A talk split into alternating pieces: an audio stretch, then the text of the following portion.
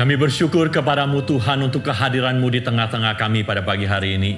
Kami berdoa supaya roh kudus yang berkuasa di tengah-tengah ruangan ini menguasai hati dan pikiran kami. Sehingga kami semua Tuhan boleh diubahkan oleh Tuhan. Sehingga hidup kami boleh dihiburkan dan dikuatkan oleh Tuhan. Lewat firman Tuhan yang sebentar akan kami baca dan renungkan. Kiranya Tuhan berkuasa dan memakai hambamu ini. Sehingga apa yang disampaikan boleh sungguh-sungguh berasal dari Tuhan penuh kuasa untuk kehidupan kami. Terima kasih Bapa di surga, Engkau dengar doa kami. Di dalam nama Tuhan Yesus, kami bersyukur dan kami berdoa. Amin. Silakan duduk Bapak Ibu Suruh sekalian. Shalom. Shalom. Senang sekali hari ini saya boleh bersama dengan saudara beribadah dan melayani Tuhan.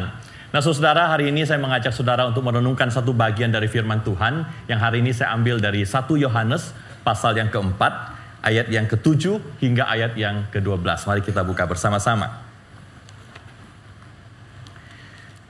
1 Yohanes pasal yang keempat,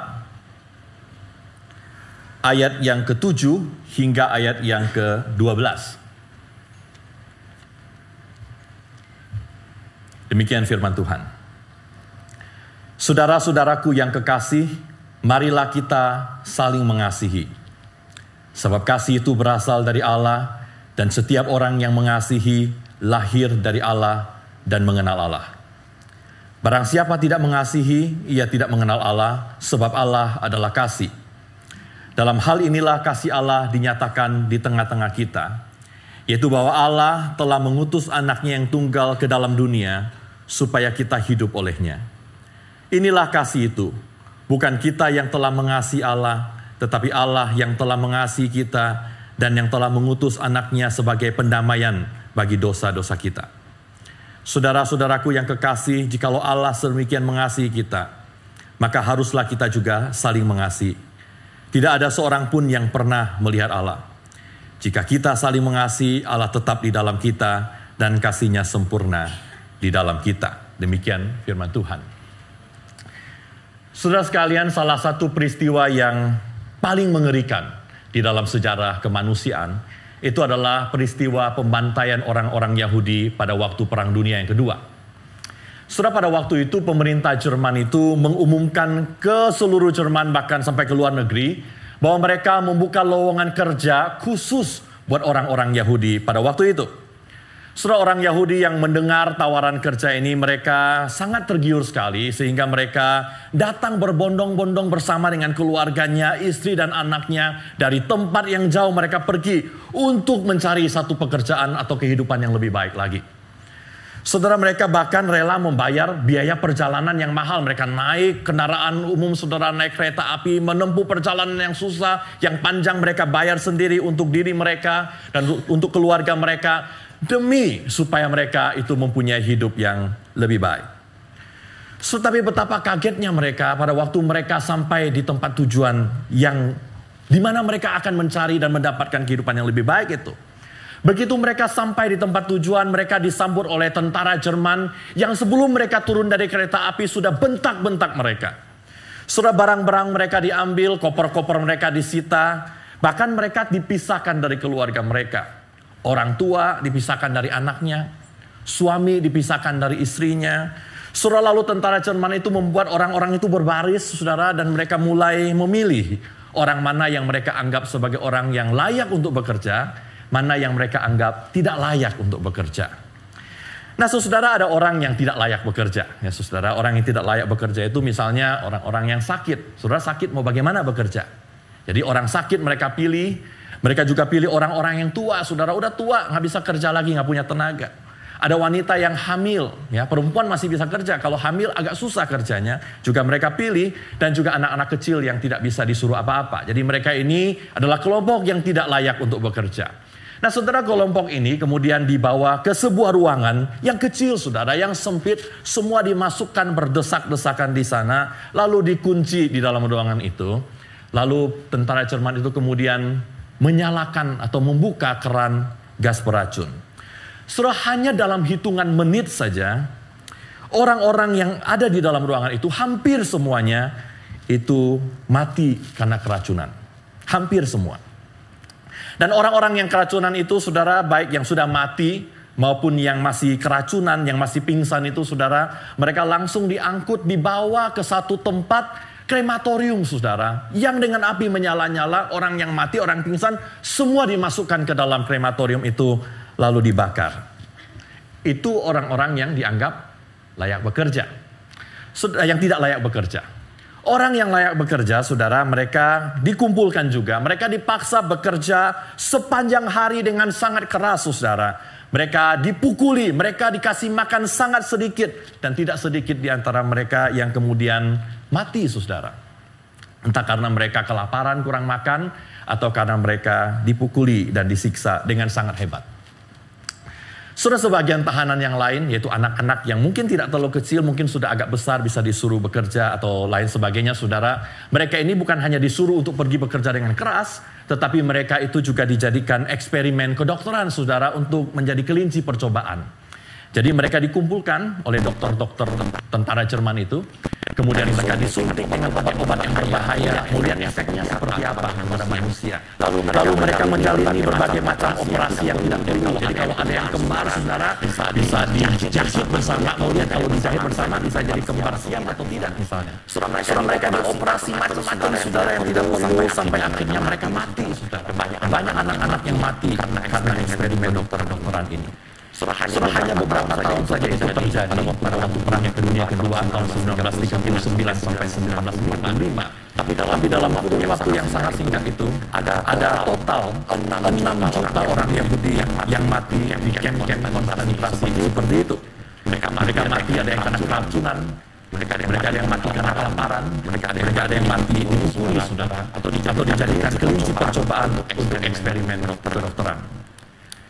Semua orang-orang ini begitu jahat sekali. Tapi yang menarik, menarik sekali bahwa, bahwa pasukan Jerman, tentara-tentara Jerman tadi yang begitu kejam itu, yang begitu, yang begitu jahat itu, yang begitu sadis itu, saudara. Mereka mereka ke mana-mana itu menggunakan ikan pinggang yang khusus sekali. Nah, ini, ini ikan pinggang yang khusus, khusus dibuat untuk untuk tentara Jerman dan, dan di atasnya ada tulisan, saudara. Tulisannya itu di dalam bahasa Jerman itu God, mit uns atau di dalam bahasa Indonesia berarti Allah Allah beserta dengan kita atau di dalam, bahasa Ibrani-nya Immanuel saudara.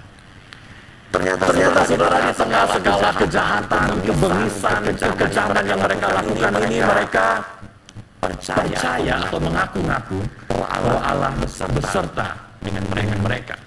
So, kita, so, kita tahu Allah nggak beserta dengan orang seperti itu. Tapi mereka, Tapi mereka ngaku-ngaku saudara bahwa Allah, Allah menyertai mereka di tengah, di tengah kehidupan mereka yang seperti itu. Setelah orang, bisa saja mengaku-ngaku kalau Tuhan beserta dengan mereka bukan? Orang bisa, orang bisa merasa, merasa kalau Tuhan, kalau Tuhan beserta dengan mereka. Tapi belum, tapi belum tentu Tuhan Tuhan beserta dengan orang-orang seperti itu. Nah, saudara, kalau, saudara, kalau saya tanya kepada saudara hari ini yang duduk di sini, saudara, apakah, apakah Tuhan Tuhan itu hadir di dalam hidup saudara? Apakah apakah saudara merasa bahwa Tuhan hadir dalam keluarga saudara? Atau di dalam gereja ini? Sebenarnya pertanyaan, pertanyaan penting karena bisa saja saudara merasa, ya, Oh Tuhan, oh, Tuhan dalam hidup saudara. Saudara bisa merasa bahwa Tuhan itu menyertai saudara. Tapi sebenarnya sebenarnya nggak ada nggak ada saudara. saudara. Merasa belum tentu kenyataan saudara. Sudah jadi bagaimana kita tahu bahwa Allah itu hadir di dalam hidup kita? Bagaimana kita tahu bahwa Allah itu menyertai kehidupan kita, tinggal bersama kita, dalam hidup kita, dalam keluarga kita, di dalam komunitas kita. Nah saudara firman Tuhan hari ini sangat luar biasa sekali. Dia berkata begini saudara, Rasul Yohanes berkata, Saudara-saudara yang kekasih, marilah kita saling mengasihi sebab kasih itu berasal dari Allah. Dan setiap orang yang mengasihi Allah lahir dari Allah dan mengenal Allah. Tapi barang siapa tidak mengasihi, ia tidak mengenal Allah sebab Allah adalah kasih.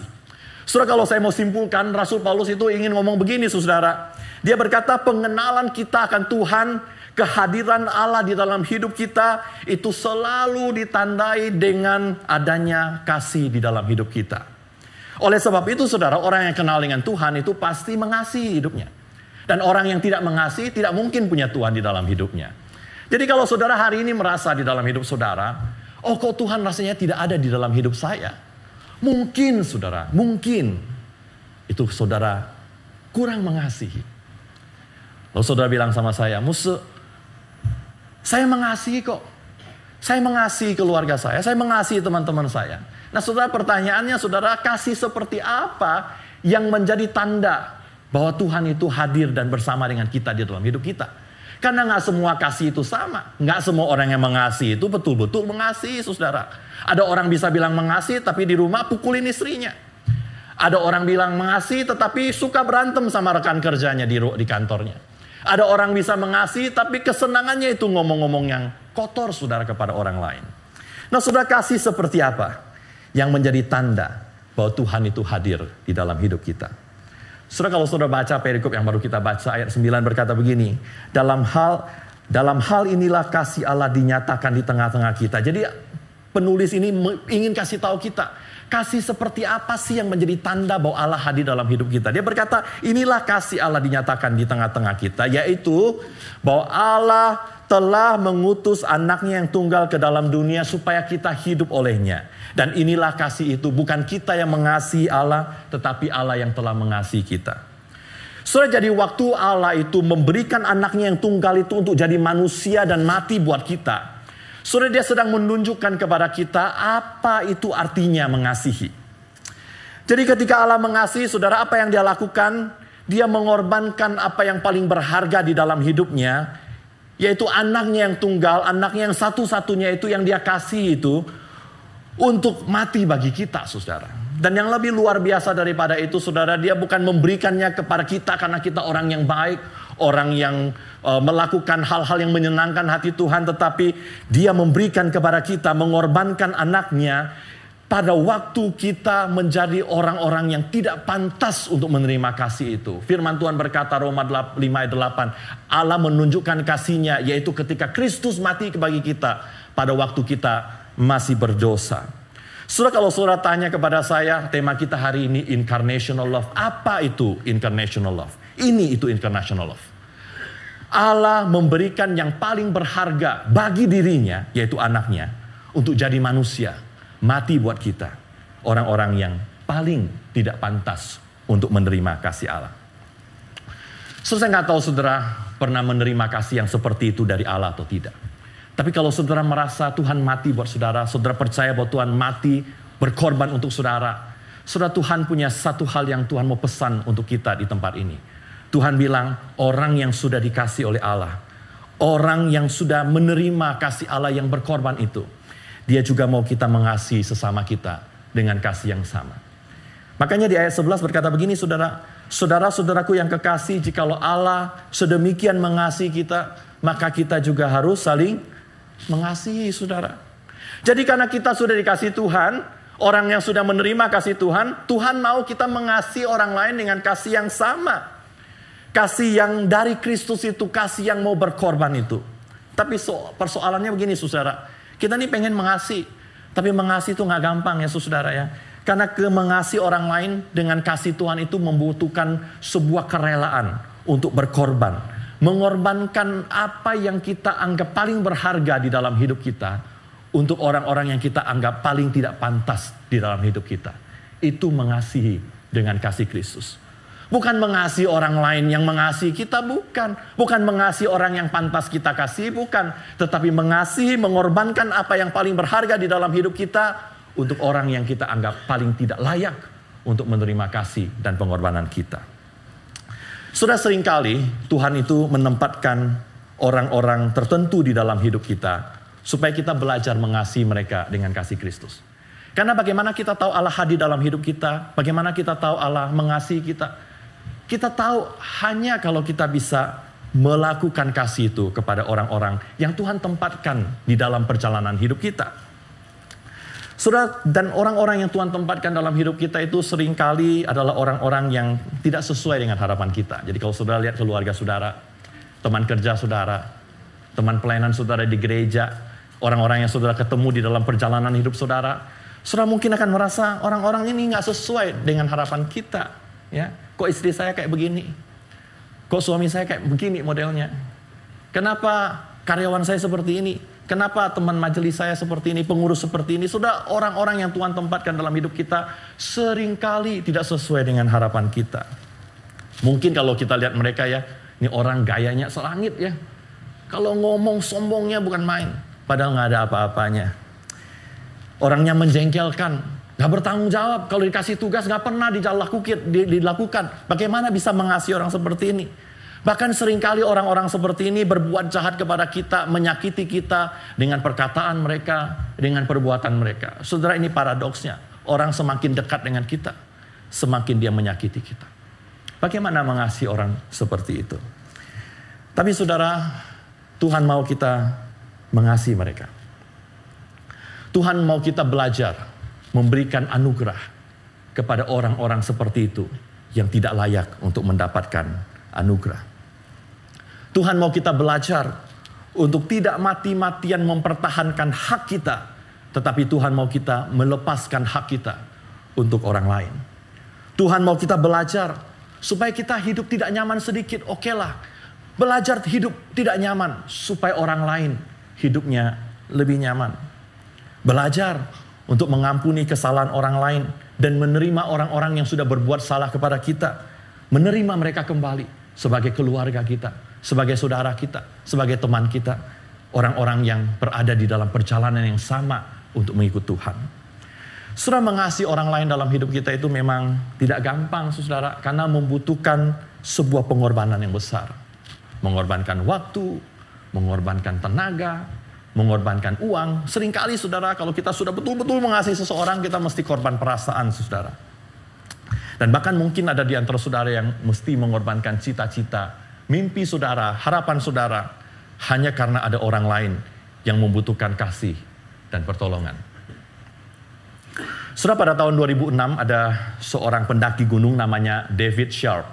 Ya, David Sharp ini adalah seorang pendaki gunung yang punya cita-cita. Jadi cita-citanya itu adalah dia mau mendaki gunung paling tinggi di dunia yaitu gunung Everest ya.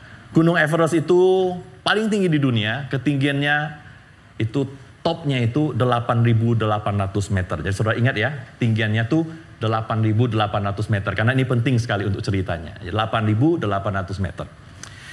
So, saudara nggak heran banyak orang yang pengen menaklukkan Gunung Everest. Mereka coba untuk naik Gunung Everest ini. Tapi naik gunung ini nggak gampang. Karena semakin tinggi, oksigen makin dikit. Oksigen makin dikit, nafasnya makin susah, saudara. Jadi semakin tinggi semakin susah. Jadi orang banyak pengen naik tapi akhirnya gagal. Kenapa? Karena mereka mati di tengah jalan. Ya, banyak yang mati di tengah jalan mendaki Gunung Everest ini.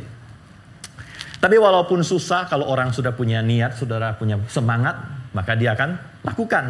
Dan David Syab ini bertekad dia mau naik gunung ini. Jadi pada bulan Mei tahun 2006 dia mulai mendaki Gunung Everest ini, saudara. Dia berjalan-berjalan sampai pada tanggal 15 Mei 2006, dia sampai ke tinggian 5000 meter. Ya, tinggi gunungnya 8800, dia 5000. Ya kira-kira 2 per 3 lah gunung itu ya saudara ya. Sudah 2 per 3. Tapi pada waktu dia sampai di ketinggian 5000 meter itu oksigen begitu tipis dan kemudian dia mengalami kekurangan oksigen dan hampir mati. Sekarat saudara di tengah perjalanan itu. Nah pada waktu David Sharp ini sedang sekarat, hampir mati saudara, dan membutuhkan pertolongan, datanglah sekelompok pendaki gunung yang juga mau manjat gunung itu. Jadi dia naik, naik, naik sampai ke tengah jalan, ketemu David Sharp itu. Lalu waktu mereka lihat David Sharp itu membutuhkan pertolongan, apa yang mereka lakukan saudara? Mereka berdiskusi bagaimana caranya untuk menolong dia. Kalau kita tolong, udah 5000 meter masih turun lagi. Padahal tinggal 3.800 lagi. Kalau mereka tolong, misinya jadi gagal. Pengorbanan mereka selama ini gagal, saudara. Lalu mereka akhirnya memutuskan bahwa mereka tidak mau melakukan apa-apa. Karena mereka nggak ingin saudara pendakian mereka yang sudah sampai dua per tiga jalan itu kemudian harus gagal karena menolong David Sharp ini. Jadi mereka cuma lewat saja dan tidak tolong David Sharp ini. Dan David Syab ini karena tidak mendapat pertolongan akhirnya meninggal dunia saudara. Di ketinggian 5000 meter itu. Setelah 10 hari kemudian, tanggal 25 Mei tahun 2006, jadi 10 hari setelah kematian David Sharp itu, ada seorang pendaki lain yang naik gunung yang sama, naik gunung Everest, namanya Lincoln Hall. Ya. Nah, dia naik gunung juga, saudara-saudara, tapi kali ini dia mencapai jarak yang lebih jauh daripada David Sharp. Kalau David Sharp tadi 5.000 meter, dia sampai 8.600 meter, saudara. Ya. Jadi 8.600 tinggal 200 meter lagi sampai ke puncak. Tapi di tengah perjalanan ini karena ketinggiannya 8.600 oksigennya lebih tipis lagi, maka dia juga mengalami hal yang sama kekurangan oksigen. Lalu dia terkapar di situ hampir mati, Saudara. Sehari kemudian, tanggal 26-nya, waktu dia lagi sekarat itu, ada sekelompok pendaki yang naik. Seperti tadi ceritanya, ada yang naik lewatin dia. Kemudian kelompok ini yang dipimpin oleh seorang pria namanya Daniel Masur. Ya, orang ini saudara waktu memimpin rombongannya ketemu dengan Lincoln Hall ini, dia cek Lincoln Hall itu ternyata masih hidup. Ya, dari kemarin sekaratnya sampai hari ini masih hidup. Jadi dia diskusi dengan timnya saudara, apa yang harus dilakukan. Tinggal 200 meter lagi sampai ke puncak. Sudah susah payah berkorban 8.600 meter naik gunung itu. Ketemu orang yang membutuhkan pertolongan. Kalau saudara jadi Daniel Masur, apa yang saudara lakukan? Naik dulu baru turun. 200 terakhir susah naiknya saudara ya. Jadi kemungkinan bisa mati orang itu. Lalu lewat pergumulan yang tidak gampang, Daniel Masur bilang, kalian naik saya bawa dia turun. Jadi Daniel Masud itu kemudian membatalkan perjalanannya dan dia bawa Lincoln ini turun ke perkemahan di bawah gunung. Daniel ini bukan hanya membawa dia turun, tetapi dia juga kasih makanannya, dia juga kasih oksigennya. Karena bisa saja Daniel Masud mati, saudara karena nggak ada oksigen. Tapi dia lihat orang membutuhkan, dia kasih oksigennya, dia kasih makanannya. Dan kalau tiba-tiba cuacanya berubah, ada badai sehingga mereka harus bertahan di gunung beberapa waktu lamanya, mereka pasti mati berdua. Dan Daniel Masur pasti mati karena kekurangan makanan dan oksigen. Tapi dia terus melakukannya, membawa orang ini turun dan diselamatkan. Ini orangnya sudah selamat saudara ya. Waktu dia turun, Daniel Masur itu ditanya oleh para wartawan, kenapa dia rela begitu susah payah membawa Lincoln Hall ini turun sedangkan sudah tinggal 200 meter lagi, dia bisa sampai ke puncak Everest. Daniel Masur menjawab begini, dia bilang, puncak Everest itu masih ada di sana. Saya masih bisa balik ke sana lagi. Tetapi Lincoln Hall ini cuma punya satu nyawa saja. Satu nyawa, dia cuma punya itu. Saya bisa balik lagi. Jadi dia tolong dengan mengorbankan semua yang sudah dilakukan. Dengan bahkan mengorbankan nyawanya karena dia tahu orang itu membutuhkan pertolongan dia. So, saudara, mengasihi orang lain itu tidak gampang, saudara. Reaksi yang wajar dari orang itu adalah seperti kelompok yang pertama. Kalau orang membutuhkan bantuan, kalau kita punya urusan lain, kita lebih baik tidak bantu. Itu naluri, naluri kita, kecenderungan pertama kita, saudara. Tapi mengasihi dengan kasih Tuhan, itu menuntut sesuatu yang lebih daripada apa yang kita biasa lakukan. Mengasihi itu susah karena membutuhkan pengorbanan. Tapi orang yang mengasihi dengan kasih seperti ini, Orang yang mengasihi dengan mengorbankan waktunya, tenaganya, uangnya, apa yang paling berharga di dalam hidupnya, saudara. Orang seperti ini Alkitab berkata, orang yang akan mengalami kasih dan kehadiran Tuhan di dalam hidupnya. Saya ulangi saudara ya.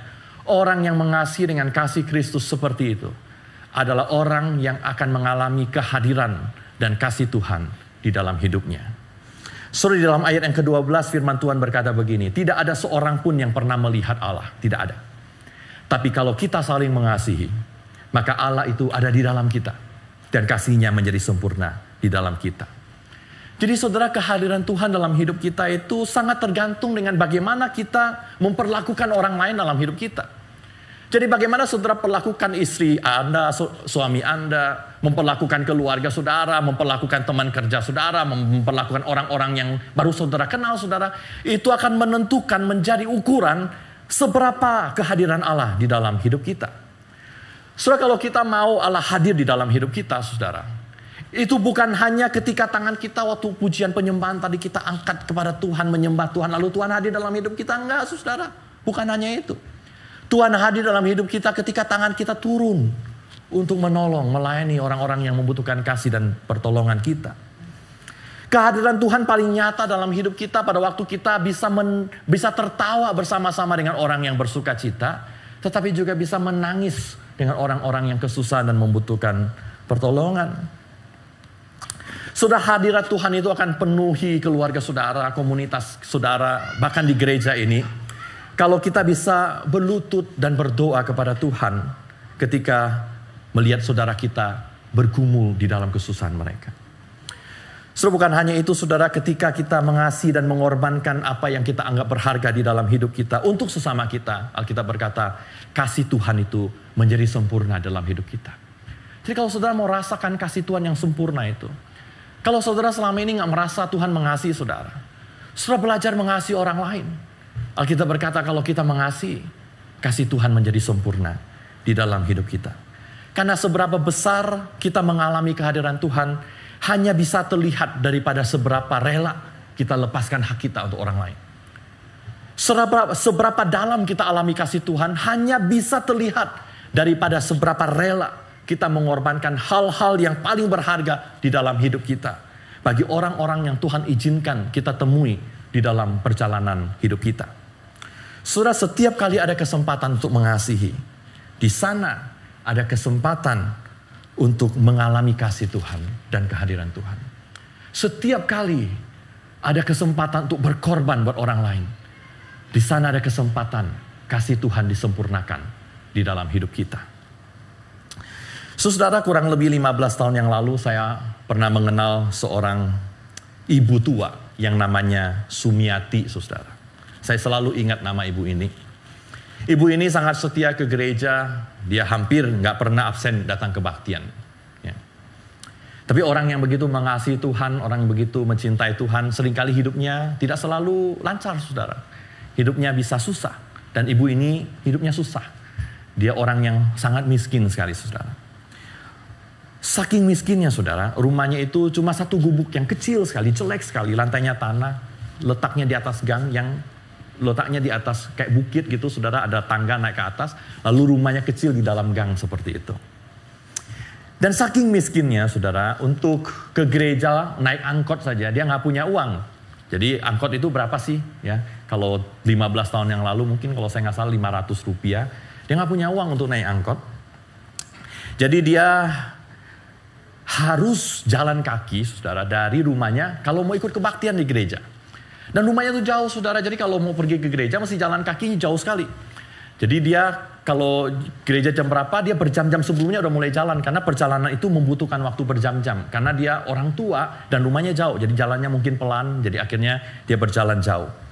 Seringkali kakinya terluka sehingga sakit saudara. Ya terluka sakit dia tunjukkan kepada kita berkali-kali bahwa kakinya itu sakit luka lalu kita dan teman-teman saya kita kasih dia obat untuk mengobati kakinya. Setelah satu kali setelah kebaktian umum, ibu ini datang menyalami saya. Jadi habis kebaktian umum kan jemaat ngobrol biasa sama uh, jemaat yang lain sama hamba Tuhan ngobrol.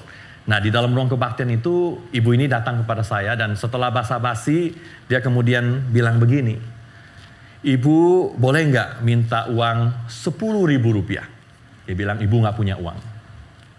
So saya kaget ya, saya nggak pernah dimintain uang seperti itu, ya terus terang gitu ya. Minta, saya minta sepuluh ribu, dikasih tahu lagi jumlahnya sepuluh ribu.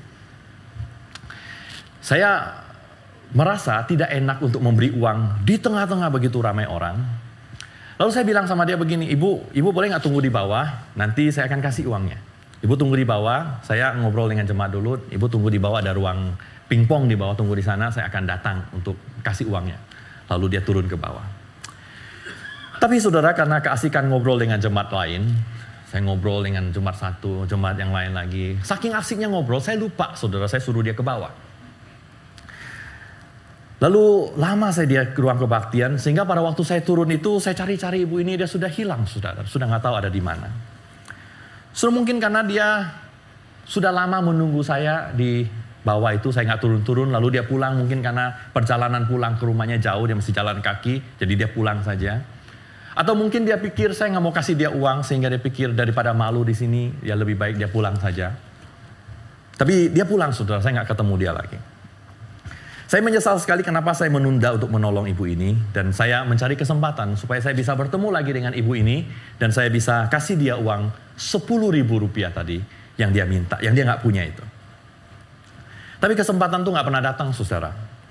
Karena pertemuan minggu itu adalah pertemuan terakhir saya dengan ibu itu. Karena nggak lama setelah minggu itu, dia turun tangga dari rumahnya. Saya bilang rumahnya tuh agak ke bukit begitu, ada gang kecil, dia harus turun tangga. Waktu dia turun tangga itu dia kepeleset saudara. Dia berguling ke bawah, kemudian kepalanya menghantam lantai atau aspal itu sehingga dia kemudian meninggal dunia. Saudara apa yang saya alami dengan ibu ini menggoreskan luka yang mendalam di dalam hati saya, saudara. Membuat saya begitu menyesal pada waktu saya mendengar dia meninggal dunia. Dan cukup lama saudara saya terus dihantui rasa penyesalan dan bersalah. Saudara apa yang dia rasa pada waktu dia tunggu-tunggu saya dan kemudian saya tidak turun untuk menolong dia.